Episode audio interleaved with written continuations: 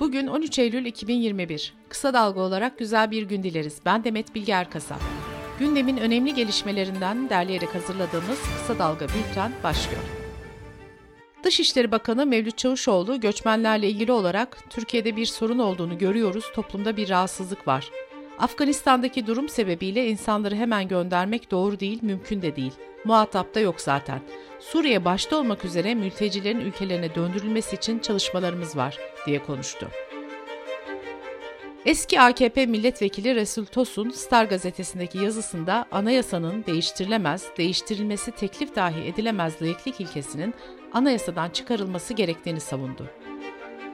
Tosun'un yazısına sosyal medyadan tepkiler gelirken CHP Grup Başkan Vekili Engin Özkoç da laiklik ilkesini Cumhuriyetimizden söküp atmaya çalışanlarla sonuna kadar mücadele edeceğiz dedi. CHP Genel Başkanı Kemal Kılıçdaroğlu, Cumhurbaşkanı Erdoğan'a sosyal medyadan seslenerek damadı ile birlikte devletin hazinesini iç etti. Yemin olsun Erdoğan her kuruşunu birlikte ödeyeceksiniz dedi. Kılıçdaroğlu 12 Eylül darbesinin yıl dönümüne ilişkin de iktidarını 12 Eylül'e borçlu olanlar darbelerle hesaplaşamaz mesajını paylaştı.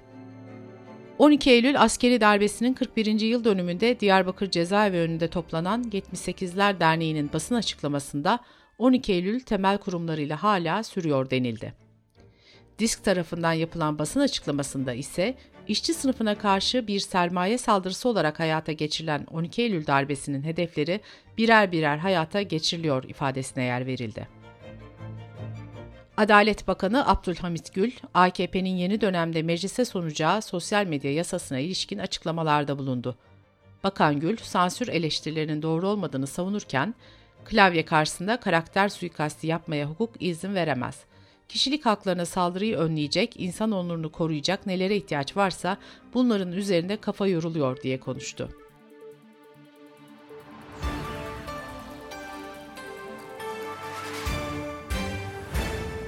Gelecek Partisi Genel Başkanı Ahmet Davutoğlu Diyarbakır'da yaptığı konuşmada 90'lı yılların bütün aktörleri geri geldi, 90'lı yılların korkuları geri geldi ifadelerini kullandı.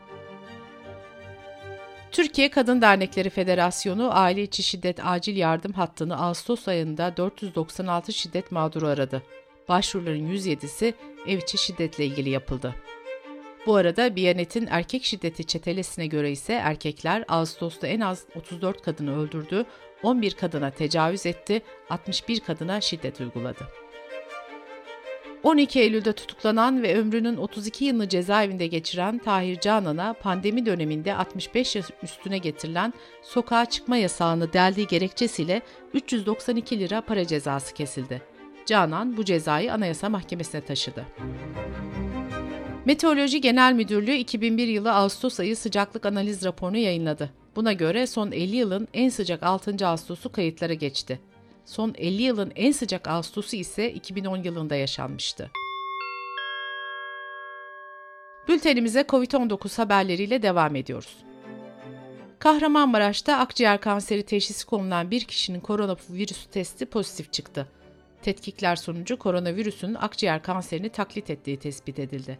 Doktor Fatoş Kozanlı bunun dünya tıp literatüründe bir ilk olduğunu söyledi.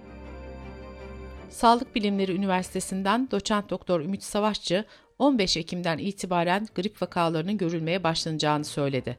Hacettepe Üniversitesi Tıp Fakültesinden Profesör Doktor Mehmet Ceyhan da geçen yıl çok nadir görülen virüslerin bu sene ciddi bir şekilde artacağını belirtti. Ceyhan, bu yıl grip artı koronavirüs vakalarını göreceğiz dedi.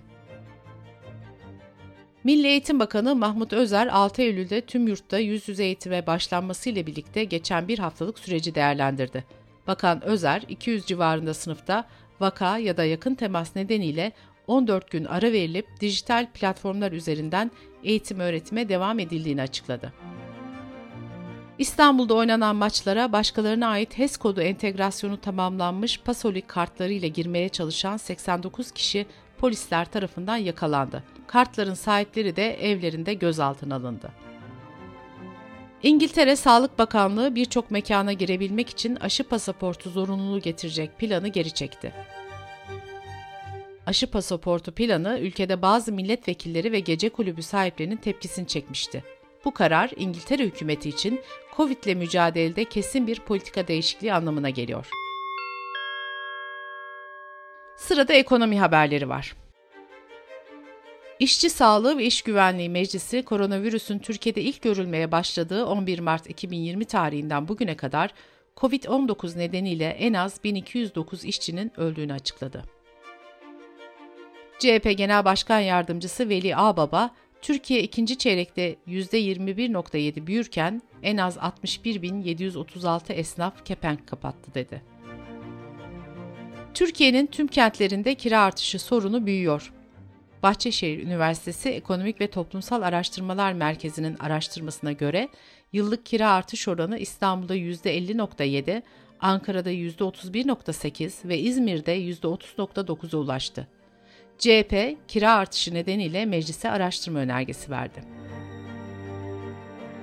Ticaret Bakanlığı son günlerde kamuoyuna yansıyan haksız fiyat artış iddialarına karşı harekete geçti.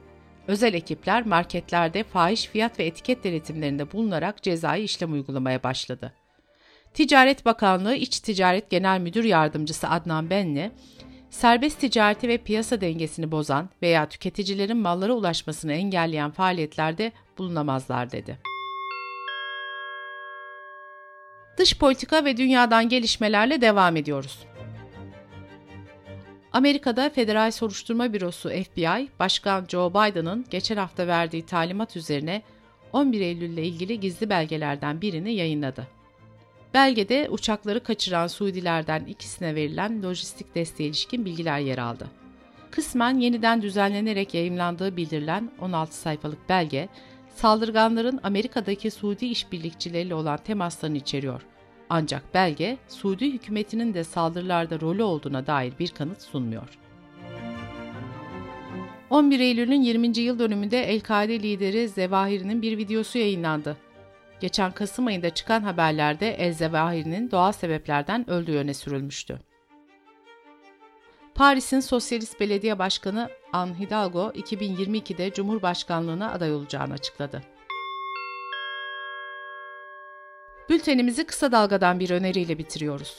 Beril Eski Annelik Teknolojileri podcast serisinde annelik teknolojilerini ve alternatif annelik yöntemlerini konuşuyor. Kısa Dalga.net adresimizden ve podcast platformlarından dinleyebilirsiniz. Gözünüz kulağınız bizde olsun. Kısa Dalga Medya.